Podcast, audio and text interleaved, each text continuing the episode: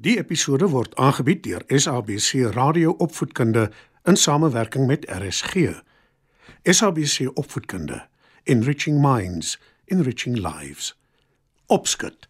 Skryf nader en kom luister en leer saam.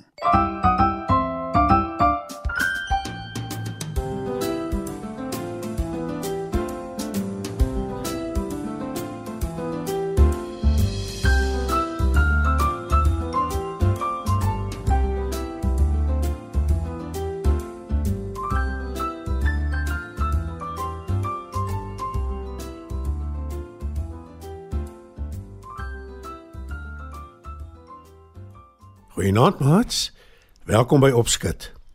Ons bly in 'n land, Suid-Afrika, en op 'n kontinent, Afrika, waar daar baie diere is. Daar's ook baie stories oor diere, veral oor hoe hulle lank gelede anders gelyk het as vandag. Die stories word legendes genoem. Vanaand vertel ek julle een van die stories waar olifante se slurpe vandaan kom. Skyf nader en luister saam. Lank, lank gelede, toe die aarde nog jonk was, het olifante nie slurpe gehad nie. In plaas van 'n slurp, het die diere kort, stomp neus gehad, omtrent so groot soos 'n man se stewel. Olifante kon die neus effens heen en weer wikkel, maar dit was al. Hulle kon niks daarmee optel nie. So eintlik was dit maar net 'n nuttelose neus. In die tyd was daar 'n klein olifantjie wat baie nuuskierig was.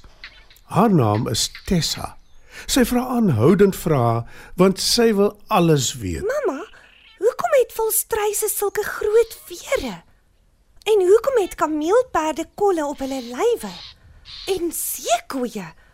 Hoekom is hulle oë rooi? Of wat van krokodille? Wat eet hulle? Vra sy op 'n dag vir haar mamma. Mamma, wat moedeloos is om elke dag na haar dogter se vrae te luister, antwoord: Ek weet nie, Tessa. Ek stel voor jy gaan soek 'n volstruis en 'n kameelperd en 'n seekoei en 'n krokodil en vra hulle. Dalk het hulle die antwoorde. Dis 'n slim plan. sê Tessa opgewonde. En toe babbel sy verder. Ek dink ek sal begin by 'n krokodil. Maar hoe lyk 'n krokodil? Ek het nog net van hulle gehoor. Ek het nog nooit een gesien nie. Hoe sal ek eers weet dis 'n krokodil? Tessa se mamma skud haar kop en sê: Waar kom jy vandaan, my kind? Ek het nog nooit so 'n nuuskierige olifant teëgekom in my lewe nie. Is dit nie goed om dinge te wil weet nie? "Vra Tessa." Ja, seker. Antwoord haar mamma en sy voeg by: Ek stel voor jy begin by die rivier. Dis waar krokodille bly. As jy rondvra, sal een van die diere jou wel kan wys hoe lyk hulle. Dankie mamma, ek sal. Ek kan nie wag vir my avontuur nie. sê Tessa en sy begin aanstap na die rivier toe. Op pad soontoe maak sy kos bymekaar om vir die krokodil aan te bied wanneer sy hom of haar uiteindelik te siene kry. Sy pluk marulas, sy trek heerlike eintjies uit die grond. Sy kom selfs wat lemoenetee wat sy pluk en saamvat. Maar Tessa word honger en sy eet al die kos self op. Sy voel sleg daaroor, maar as verskoning sê sy: Ek weet nie wat 'n krokodil eet nie. Dis dan juist hoekom ek op pad is rivier toe. Wanneer ek daar aankom, sal ek hom of haar vra. En dan kan ek nog kos gaan soek as die krokodil dalk honger is. Na 'n hele ruk kom Tessa by die rivier aan. Sy kyk rond, maar al wat sy sien is 'n seekoei. Goeiedag, seekoei. Kan jy my dalk sê of hier 'n krokodil is in die rivier? Die seekoei kyk verbaas na die klein olifant. Toe sê sy: Die rivier is vol krokodille. Kyk maar self. Ek weet nie hoe lyk 'n krokodil nie. Ek het spesiaal hiernatoe gekom om uit te vind. Voordat die seekoei verder kan praat, hoor Tessa 'n geluid in die water. Sy kyk om en sien die vreemdste dier wat sy nog ooit teëgekom het. Sy vergaap haar en vra: Is jy dalk 'n krokodil? Die dier lag en sê: Nee dalk nie. Beslis.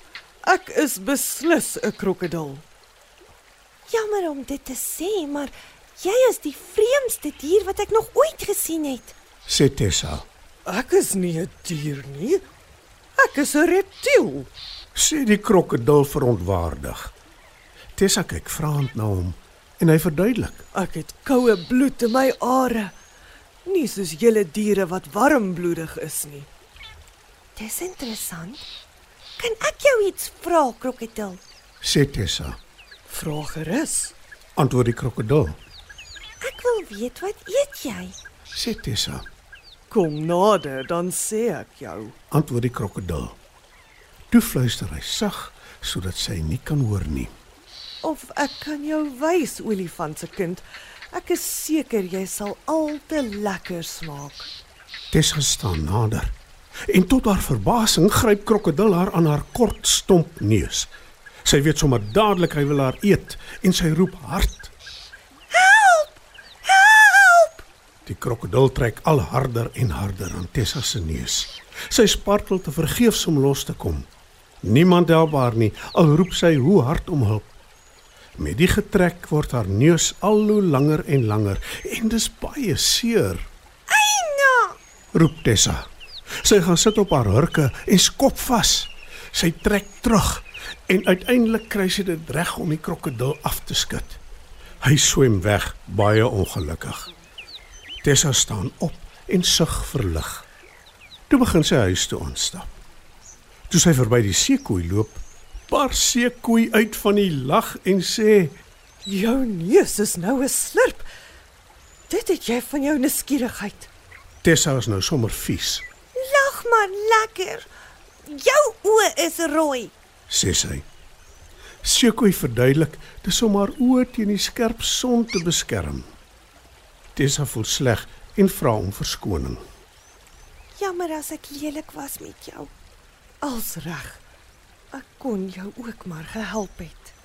Antwoord Seekoei. Tessa loop met 'n swaar hart huis toe. Wat gaan die ander olifante van haar dink met die vreemde slurp, wonder sy.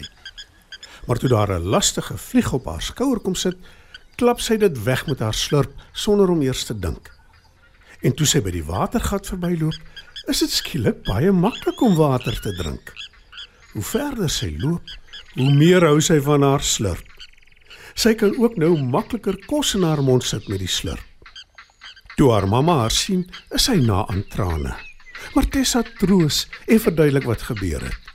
Toe vertel sy vir mamma en sommer al die ander olifante wat vir haar lag, hoe handig die slurp is.